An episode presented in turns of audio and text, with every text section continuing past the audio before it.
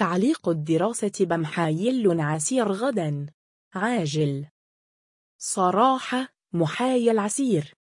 أعلنت الإدارة التعليمية بمحايل عسير تعليق الدراسة غدا الأربعاء في جميع المدارس بالفترة المسائية بجميع مناطق المحافظة. وأكدت المحافظة عبر حسابها الرسمي على تويتر.